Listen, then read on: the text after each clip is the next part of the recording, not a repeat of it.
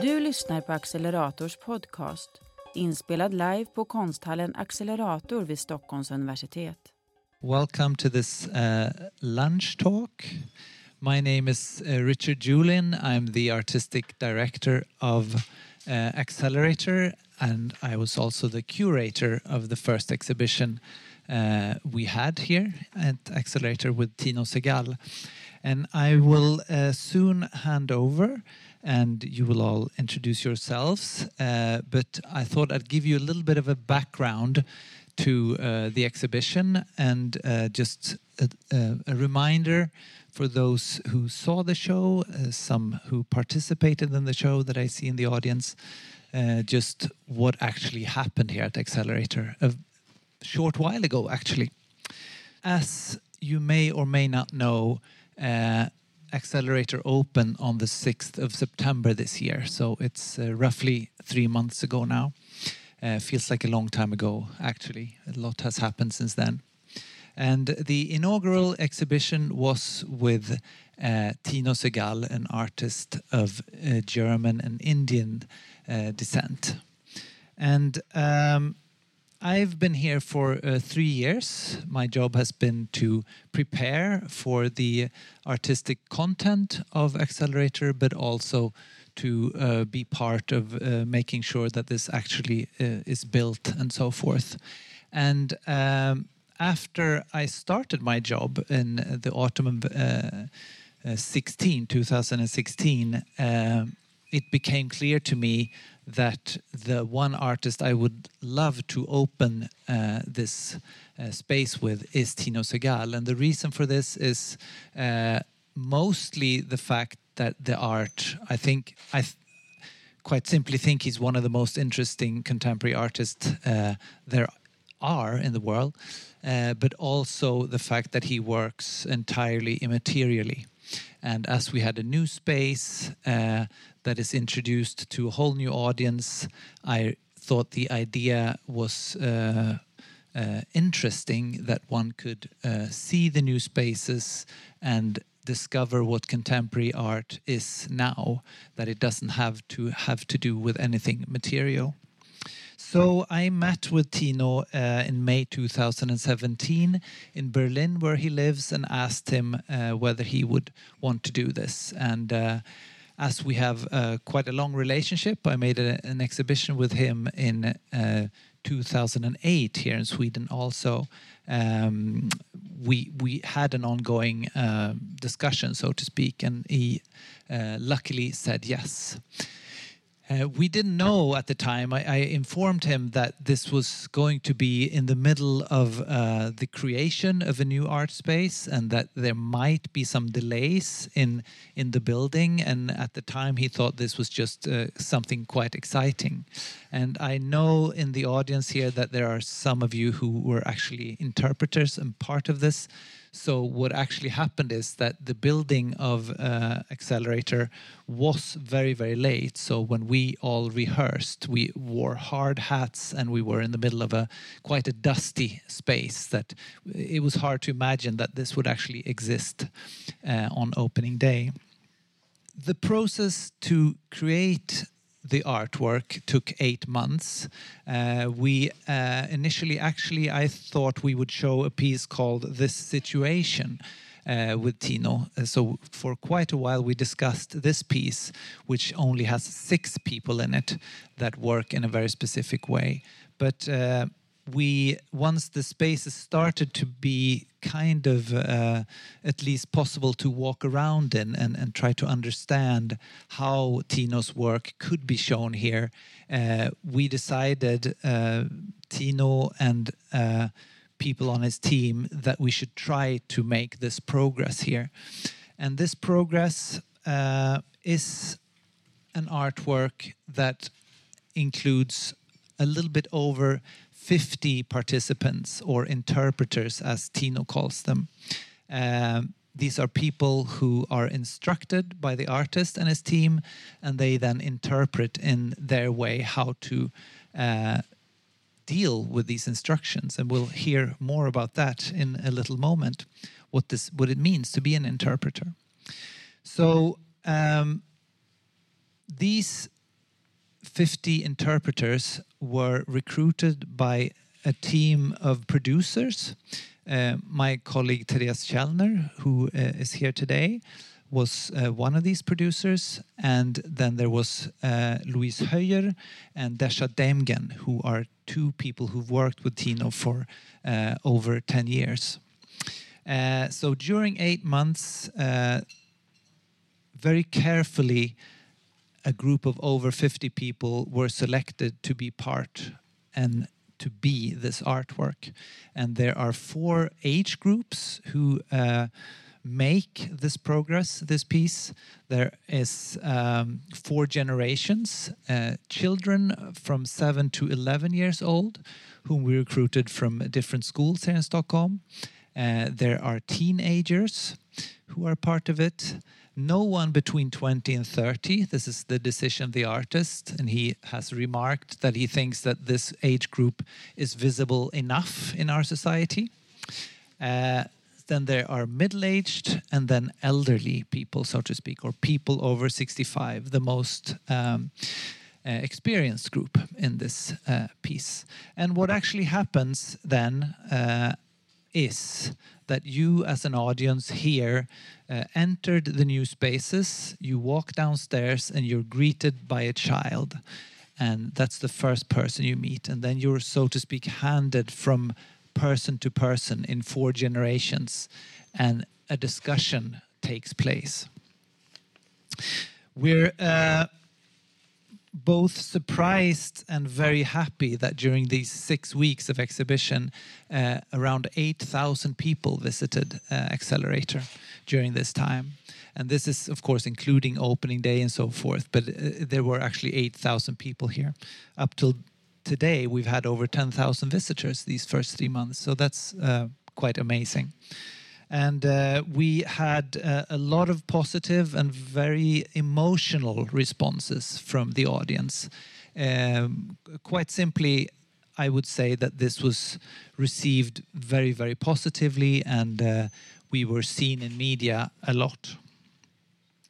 So uh, I'm going to hand over in a second to uh, my colleague Bronwyn Bailey Charteris. and I just want to end by saying that Louise Höjer, who is uh, the main producer, I would say, who's worked with Tino for almost 15 years and has installed this progress in seven cities around the globe. Uh, she told us towards the end that uh, this group of interpreters who created this progress here was the group of people who she'd never experienced how this a group became so uh, uh, just understood the piece so well and just became kind of a unity and community in a way they hadn't seen before. So this was very touching and, and, and amazing to see. Uh, I could obviously talk for another two hours or something about Tino Sehgal, but I'm not going to do that today. So, Bronwyn, please, um, I'll hand over to you.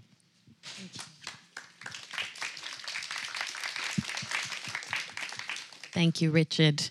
Um, so, welcome. It's really wonderful to have so many people here. Um, and as Richard said, there are a lot of faces in the room of people who were also interpreters and people I uh, met during the work as well. So, that's lovely to see you here. Um, I have two very special guests with me today uh, Katarina Winter and Johan Lindquist. Um, and we are going to try to discuss a little bit what the work, how the work was experienced from the inside out. Um, so, my role here at Accelerator is uh, the project leader of the researcher collaborations. Um, and that's trying to find methods for developing kind of transdisciplinary, interdisciplinary research collaborations. Um, and Accelerator has actually been running this process for a while now, um, although I only started when the Konsthall began as well. Um, so we're trying to find these kind of methods for understanding how a place like SU um, brings out these different kinds of conversations and tries to understand how the role of art within that um, so today's conversation is an element of that bigger program. Um, and if you have questions about that bigger program with the researcher collaborations, i will be here afterwards and be lovely to talk about that too. But to get straight, straight into it for today, um, Katarina is uh, a doctor in sociology at here at Stockholm University, um, and we first met when I was um, very curious to hear about the process of being inside this work, um, and also the fact that Katarina is also part of the researcher collaboration group, which is one of the other kind of ways that we're running these transdisciplinary uh, collaborative forums. Um, so we might start with you. Do you want to start by telling us about what you do at the university? Sure. Um, yeah, I work mainly with the studies of expert communication and how to understand the relationship between experts and publics within the addiction field and within, within expert communication within this field.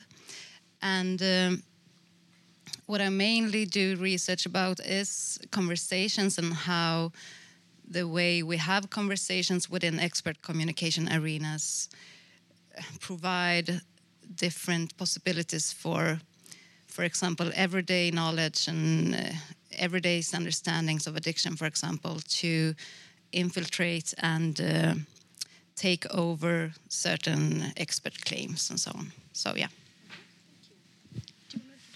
Sure.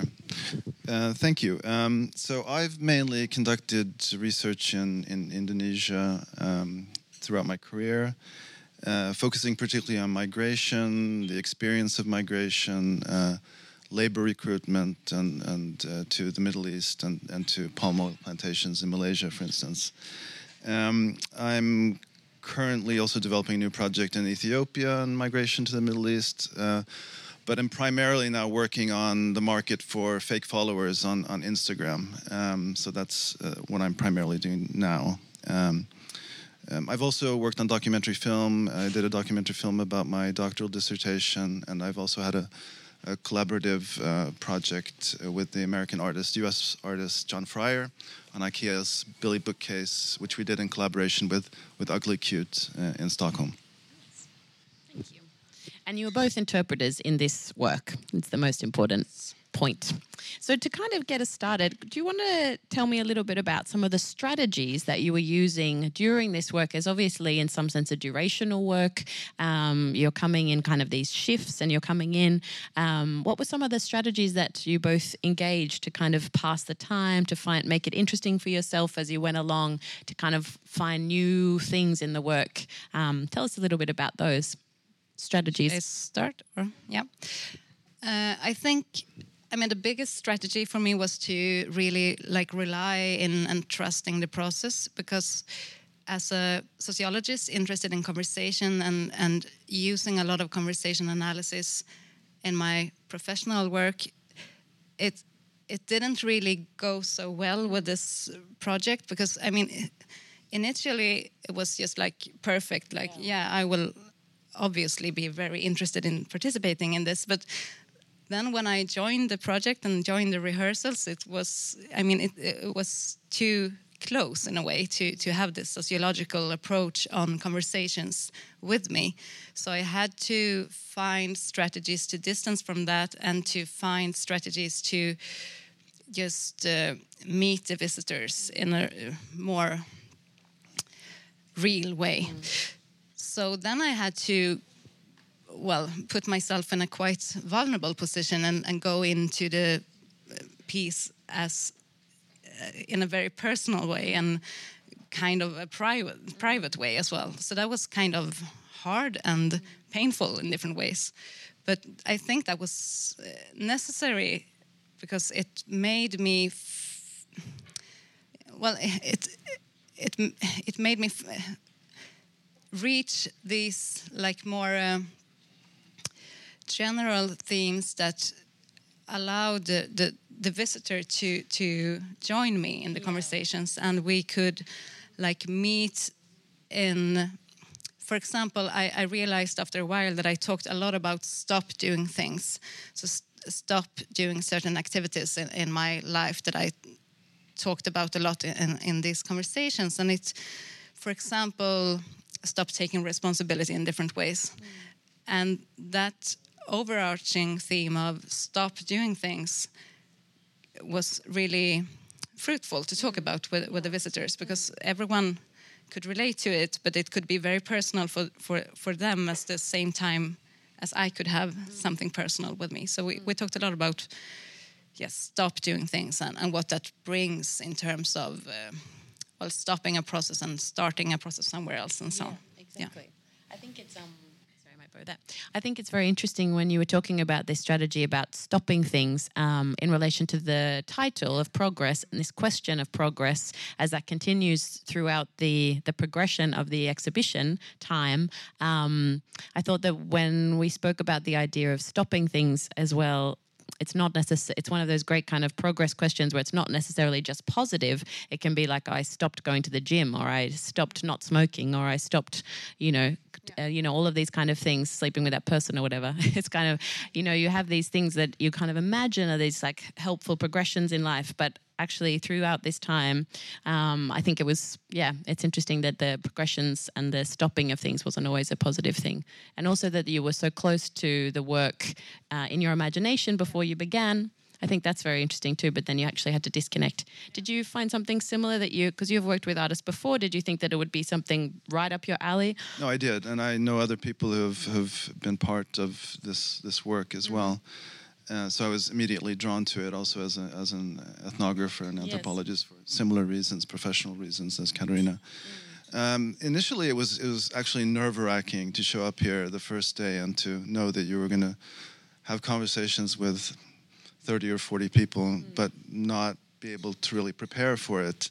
Um, so, uh, since it was difficult to prepare for the conversations, we basically had very limited cues, a bit of overhearing, uh, immediate judgment from appearances. Um, I developed uh, a series of templates that I could use to, to cover a range of, of, of typical encounters, at least initially, and, and that sort of developed over time um, as I got more comfortable in the piece. Um, Could you tell us about Yes, sure. Uh, um, I think this varied also within Yes. the group. I mean, we all developed different kinds of strategies, even though we were communicating uh, with each other.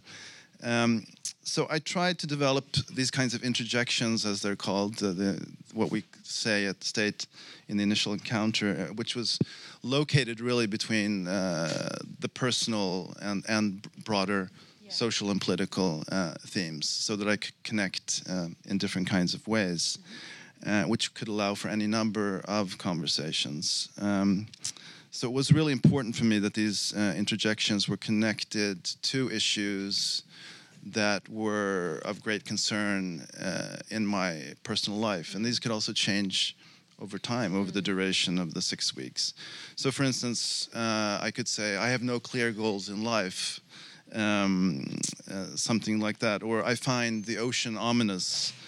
Last week, I bought a thousand followers on Instagram. Um, my, my daughter has started taking the subway by herself. Uh, so these are all different kinds of themes that uh, speak to ideas of progress on both a sort of personal and a, a broader um, social, political um, potential as well. Uh, but I could also develop more specific interventions depending on how I was feeling a certain day. Sometimes uh, very personal issues uh, that I was I was given the opportunity to, to, to briefly discuss with a stranger, which which I wouldn't want to talk about here, for instance. Um, I could also attempt to provoke. A lot of the visitors um, wanted to talk about uh, climate change, for instance. Um, often, not always, in quite a superficial and sort of politically correct fashion, uh, which I frequently found boring and, and, and, and you know self-righteous. So I could, for instance, um, in response, I might say, I could kill someone um, in order to sort of enter into a more complex uh, kind of moral, ethical discussion that I think that um, that we don't talk enough about, uh, and which sort of I think um, often led to some of the best discussions. Actually, even though people might initially have been been been shocked by that. Um, But it seems like you maybe were. Um, sorry, I borrowed that. Seems like maybe you were interested in kind of breaking this kind of PC conversation that people maybe thought they should be having because you were like, well, this is the moment. This is when we can speak in a different way. Um, that makes sense to me. And al- and your also your kind of age group was in these kind of tunnels as well, um, which I thought was very interesting. You probably remember from being part of it or seeing it. You were kind of going through quite intimate, small spaces with this age group. Um, you know, you weren't in kind of the big spaces where you can kind of let your thoughts roam free. I thought you kind of come quite close to the person and you spend like a little moment where you're kind of you know speaking intimately about people's children or people's elderly parents or like yeah the state of the world and things felt very um, very very intimate in those things. So I'm, I'm interested in that you decided to kind of try to break that um, what people maybe preconception of what that conversation will be. Oh, you've got yours. Do you want to add something or? Yeah, I could add something about uh, a loss strategy that is also very important because we had these conversations with all the visitors and they aff affected us a lot and took a lot of energy, of course. But we also had this behind the scenes conversation within the group. I mean, our middle aged group, we had a lot of conversations that were going on and we were out in the piece with the visitors and then we came back and continued the conversation that we had together behind the scenes and that was also a really big part of the piece i think because well it meant a lot it didn't i mean it, we didn't discuss the visitors but we did discuss the the themes and what we came back to all the time and like cried and laughed and yeah there was a lot of things happening behind the scenes yeah, Mm. I can imagine. And you kind of needed that I imagine yeah yeah. to be able to decompress from doing that Yeah, it was like a, a big group therapy. yeah but I think that, I mean the the the, the piece itself is very therapeutic in in, in different ways, right? Uh, both potentially in the conversation also, but also in the kinds of backstage conversations which which fed back into the piece itself over time. So there was this very strong uh, temporal sense that I think was important, in which we developed a kind of with relationships with each other, um, which is important. I mean, the, I think the conversations themselves, of course, varied. I mean, uh, ranging from the, the banal to to the, the really extraordinary to the uh, to the to the disastrous. I mean, there were some people who couldn't actually finish the piece. Um, I think. Um, I mean, there was also a kind of. Uh, I thought of this often times in, in sort of psychoanalytic terms. There was this kind of mode of transference and, and countertransference that um, I attempted to develop, or I think many of us did, in in our discussions, which which in this- attempt to create a kind of intimate conversation, which which was not always successful. Um, I mean, like in life itself, right? Uh, conversations um, cannot be controlled. There there there are. Um, two parties involved and and, and sometimes it works out really well sometimes it doesn't Yeah, exactly. Should we move on to our our other point was going to be just a little bit about the reflections between. Um, I mean, we've kind of already touched on it, but the reflections between undertaking this progress and then your work uh, in within the university, um, and how it kind of did it spark these kind of connections between your specialization. I mean, you've already spoken that you had this in. Uh, you know this existing image of what it might do, um, and then that changed. But it'd be really nice to hear just some examples of um, of where this kind of you know where the line started to blur between your specialization and this work. Should I start? Okay, yeah. Um, yeah, I thought about two things. And the first thing is this um, statement made by Tino and his producers, Louise and Desha, that this is really about constructed situations, that conversations, the conversations that we participate in and that the visitors participate in are constructed. And for me, that's, I mean, that's obvious. I mean, all conversations are constructions, and that's necessary to be able to analyze a conversation socio- uh, with a sociological approach or whatever. We have to understand it as a construction, It's- and it's not really a problem. But when we look upon that in the piece, there were different. There was not too many like scripted ways of behaving, but we had this interruption, the interjection, the, the interjection that that our group made, which interrupted the, the the conversation between the teenager and the visitor, and we have. I mean, for, for our group, we had the interjection and we had the disappearance in the end. So after five minutes of walking and talking, we were supposed to disappear from from the conversation and leave the visitor in the hands of the, the older generation. And I realized that, I mean, this was supposed to remind the visitor of the constructed situation. Mm. But it also, I mean, reminded us and the visitor of the realness within this Yeah. conversation because as I heard from a lot of visitors, the, the, the interruption that we that we did, the, it was painful Yeah. for them Yeah. to be interrupted and to not continue their discussion with the teenager. Mm-hmm. They they got they, they didn't want to talk to us. They, they were like, stop interrupting. And I, I didn't experience that as pain as, as painful at all because I was like, yeah, this is my mm. my entrance. Mm. But on the other hand, when I was supposed to disappear from the piece, that was painful Yeah. because I, I, I didn't want to say goodbye, or I didn't, or, or, or rather, I wanted to say goodbye properly, properly, and I wanted to like say thank you mm-hmm. or whatever, but we mm-hmm. couldn't. So, Yes. but I realized that sometimes I did protest against this because it was too painful not to. Mm. So it says something about the fragility of, yeah, this being a construction and like emphasizes that it's also very real. Yes. Yeah. Exactly. So that was one thing. And the other thing that I was thinking about was this concept of co presence Yes. that I try to write about and understand um, in a theoretical way in, in my work, but this was like the practice of co presence. How to, I mean, the conversations was, Tell us what co-presence is. yeah, t- well, I don't know. I, I'm trying to, to figure out, but I think that this, this co presence together with, with the visitors mm. will help me find out i think yeah so mm. what i mean with that is that the conversations did not aim for consensus.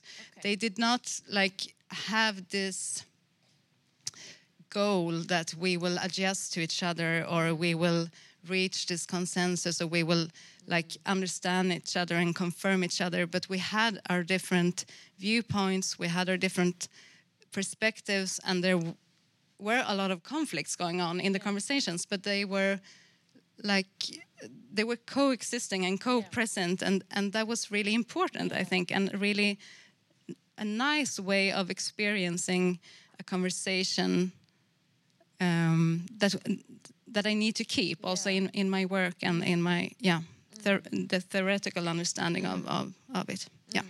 Interesting. I would. I would suggest that, um, you know, with Sehgal's work, the fact that it, the, the framing of it as an artwork and the conversation as, as an artwork, um, I mean, that's a very powerful tool. Like once it has been, once your conversation has been named as a work of art, um, it gives it these parameters that you just don't get the chance to experience in everyday life. And I think, um, like for me, when I the first Tino Segal work I saw was at the Venice Biennale, and maybe what year was that? 2009, maybe he was doing it. 2011. Thanks. Depends on which one. But it was a really beautiful piece where he had a dancer and he had a kind of another person who was sitting and kind of watching that dancer, and they were going back and forth with each other in this kind of large hall. Um, and for me, like that feeling of being present in someone else's presence ness with each other um, was very, very powerful. And I think I, I haven't really experienced um, that that feeling of kind of intimacy in such a clear way as with his work until I came back here again, especially meeting a child. I mean, with those big eyes, and then they push this big door open and they invite you into this big hall. But I guess this, what I'm trying to say, is the framing of um, of this kind of encounter. I think as a as a work of art is really what is so strong about that for me. I sort of enjoyed abandoning people actually. Oh, in yeah? contrast, I mean, it, to me, it was. I mean, it just goes to show the the differences within the piece itself. That it was a unique experience for for everyone in a sense. So for me, it was a kind of interesting. I felt the provocation. You know, we're in the middle of the conversation, and you abandon someone, and they enter into something else, which I think, uh, to me, that was uh, something I actually enjoyed. I found a bit of pleasure in it. I guess that says something about me. Um, but just thinking about this in relation to um, the question of, of how it relates to my, my my research is something that I've I've thought quite a bit about. I mean, I work as an anthropologist, an ethnographer, so um, and so I'm, I'm, my work is very much about learning about people's lives and, and life worlds through through conversations with them. Um, so that's why I was drawn to this this piece as well. Um, so it's it's very much in line with what I do. Um, and I've even I've considered writing about my my my my uh, experience here as a kind of involved critic in a sense. But I'm I'm not sure actually if I will or even if I want to do so. I, it's something that I'm continue to think about. Um, so at this point, I don't want to reduce my experience to one that can be sort of operationalized through a, a form of social science perspective, or I'm not even sure if I find it valuable to do that right now. Um, in fact, I think this goes against the intention of the piece itself, which, you know, and and and uh, Tino's um, um, position on this, and, and my own position is that, you know, art and science are are historically constituted, and and that uh, you know at, at times we might not attempt to to to distinguish between them. Um, because it's it, it can be limiting, uh, not least in how we understand uh, the conversation itself. Um, so for me, I think be, be being part of this progress is part of a broader sort of intellectual um, uh, project or life project, even that attempts to go against the grain of, of academic disciplines uh, and subdisciplines, um, and to sort of engage with different forms of representations, and different forms of knowledge production, uh, that only speak to one another indirectly, um, but which may very well uh, return in, in some other unexpected form at a later stage. Um, um, so, in particular, I think that for me, this progress, um, in this progress, there's an attempt to develop a, a space for conversations uh, that is particularly important in today's divisive sort of cultural and, and political climate. Um, so I think there are also limitations with the piece. I mean, for instance, what kinds of people came, uh, like the people in this room, is, is just a, a small segment of society. Um, so how, how, could one imagine this uh, more broadly? Um, um, but for me, I think the enduring value of it in relation to my, my, my broader work is that um, that the potential of the conversation itself, I think, is is, is reaffirmed. Um, and I think also that that I understand uh, the world, the people in it, and myself actually slightly differently um, uh, after have having been part of it. Yeah. Thank you. Um, I think that's a perfect moment to maybe take some questions before we finish up. If anyone has any thoughts or reflections from other interpreters that might be here, um, is anyone feeling game? in the back. There. In the back, great.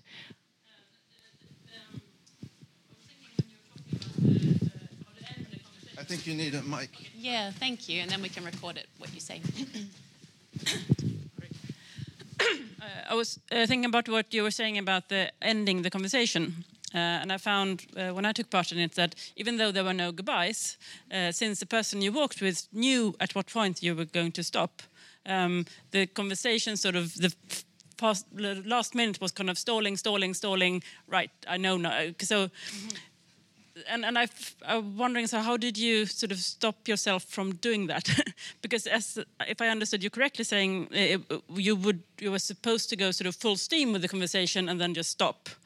Um, but since you know at what point it will end, how do you stop yourself from doing a sort of the normal social thing, which is sort of rounding off? Winding down so that even though you don't have to say goodbye, it's still sort of obvious that we're leaving each other now before you do it. Well, you liked doing that more than me, so no. I mean, we had strategies for how to do that, and it was, uh, I mean, it was not too problematic to just uh, ask a question and. Uh, I, mean, I mean, after way after a while, it was just a normalized way of walking and talking within this uh, area. I think we, I mean, the, the first couple of days or even the first weeks, it was really hard to do that. But then it just, it came natural. Then I think it was in the middle or in the end of these six weeks that I experienced this protest within me that I have to stop doing this with certain visitors.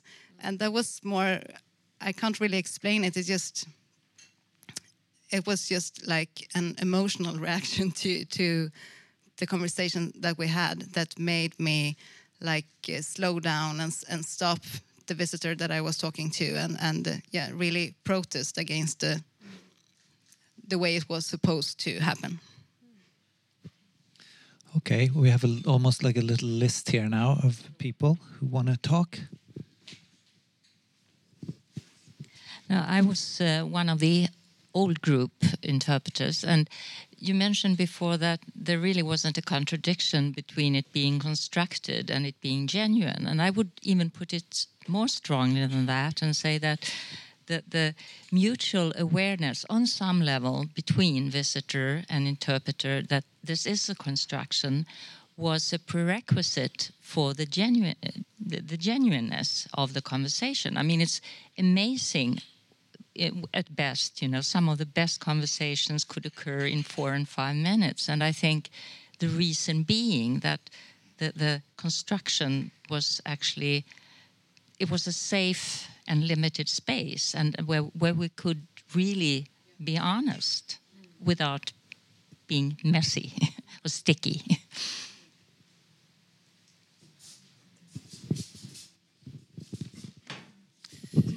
So, in relation to how to end this and leave each other, did anyone ever come back to continue the conversation?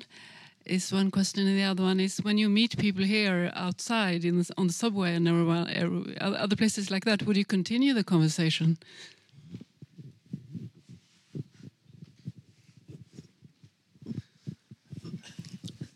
I mean, quite. This happened quite rarely because we we, we were in our backspace, so uh, we were not. You know, I, I, ran into a couple of people outside as, as I was finishing one of my my shifts. Um, I would run into someone, and and but I would, you know, usually try quickly try and get away from them. um, um, you know, I, I did once. I did have a really good conversation, which was uh, after we finished and we went to Tino's talk, and there was a, uh, you know, wine and food afterwards. There were a couple of people who came up to me, and I had really good conversations with that, them then. But generally, um, this was not not an issue. I was just going to say it does end up feeling a little bit like the interpreters have that celebrity status as someone who didn't take as an interpreter, you know, I feel like, you know, like that guy, I had a really nice conversation with you. You know, I feel like, wow, that was so meaningful for me. But probably for you, you had lots of them, you know. But to me, I'm like, wow, that was so special. And we, you know, we talked about his son. Oh, wow, you know, that really is strong. Um, but of course, not. You can't have that memory and remembrance for every single person you went through with. I assume. No, not really. But I mean, there there were a lot of conversations that are still yeah. like really close and uh, also like this blending of different persons with on the same topics and so it constitutes a like collective experience of, of many different visitors that is really nice yeah. but there were also people coming back into the piece uh, in relation to the, your question so it happened to me, I think, twice that people came once again the same day or another day, and that I had to talk to this person again. It was quite uh, special because, yeah, we had like like a. I mean, the conversation continued in a way, but on a different topic. So it was a strange experience, but kind of nice also. We have uh, three more questions. We're going to try to wrap up within five minutes. So please keep the questions brief, important, and the same with the answers. So maybe we can add more questions after those three. Okay, thank you. Uh, yeah, I was one of those who felt it very painful to leave, actually, uh, but I did not come back. But my question is more if you could say something uh, about your relation to Tino Sehgal. I mean, before, during, and after, and just a reflection on uh, who is actually the owner of this piece of art. Is it Sehgal or is it you who are the interpreters, and why? That's just a reflection on that. Mm? That's a good question. I I didn't. I think. I mean, we had so much contact with the producers, much more than Tino. So for me, I think the producers owns owns it more. Uh, but I mean, it it really is the interaction between the visitor and the interpreters that owns the project in a way. I guess, because that's where it all happens. But I don't really. I mean, Tino is more of a like ghost around the project, but it's not that. At least not. I did not personally relate to him that much during the work, because there was so much other types of re relating to to the visitors and to the colleagues and to this space and so on. So yeah. I was just going to say very quickly that um, I think that is like one of the core questions of Tino Sehgal's work, and he's been making these constructed situations, um, you know, for over twenty years, and I think that is like such an important question and very core to his practice. I own the work.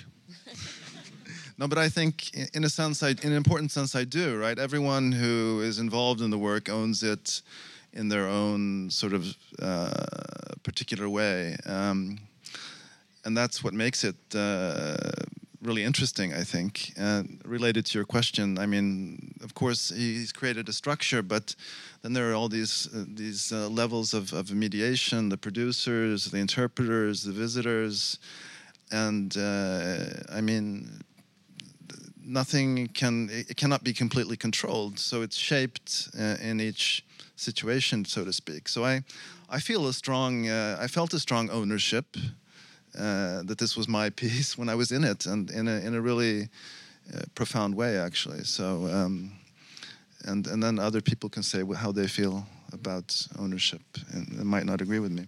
Thank you. I think we have to finish up there, unfortunately. Or have we got there one was, last? There was one more question Okay, that I kind one. of promised, I guess, by saying that there are three more. So Of course. Thank you. Um, what do you think uh, the constraints put in place by the, the framework of this work of art have enabled on the, the established uh, general rituals of conversation? Because uh, my, point is that um, the, the, um, it's declared that the material is not relevant, right, in this work of art. Apparently, that's the, and uh, I don't think it's any way possible ever.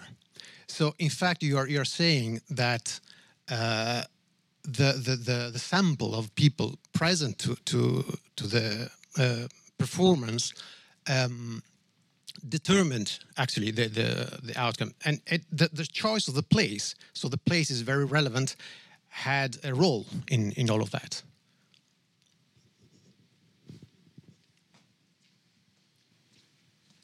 Would you like to say? Otherwise, I can. I, I mean, I think uh, that part of that question was um, was raised earlier. Um, how the constructed nature of the situation itself uh, made possible um, uh, the conversation in a sense. So I think it's really important. I mean, it is a kind of ritual process in a sense that you pass through and you uh, are there to have a conversation. If you're not, then you're in the wrong place, sort of. And or it becomes uncomfortable because it becomes a kind of difficult conversation. But if you're there and you are sort of ready, um, then it becomes uh, potentially this kind of uh, magical conversation that you can have with strangers sometimes. So I think the, the fact that you're encountering a stranger is also very important uh, in this kind of space. Um, so I think you know that uh, that that makes this um, all of these things that you've you've mentioned. I think make this um, uh, make these types of conversations possible that you can't have as easily if you're on a subway or somewhere else. I mean, you're you're you're led into a particular kind of encounter, and and a particular kind of conversation that I think um, is is is really really valuable. Did you want to add anything to that? No. No. Okay. I think we will have to finish there, but thank you all for your interesting comments and questions. Um, and just to say as well, within our researcher collaboration group, we're continuing to speak about this work um, with Tino Sehgal's work uh, for until June next year. So it's a, very much an ongoing conversation, um, an ongoing exploration of questions around movement and art, walking and art, research and art, these kind of things going on based around Tino's work. So if you're interested in that, keep an eye on the website as well. So we'll share some of those parts publicly too. Um, but thank you, Dr. Katarina Winter and Professor Johan uh, Lindquist. Thank you very, very much for all being here.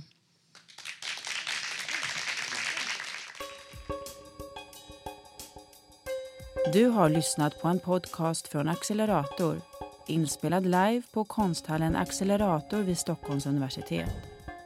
För att ta del av vårt program, prenumerera på vår podcast och besök Accelerators hemsida acceleratorsu.art där du även kan prenumerera på vårt nyhetsbrev.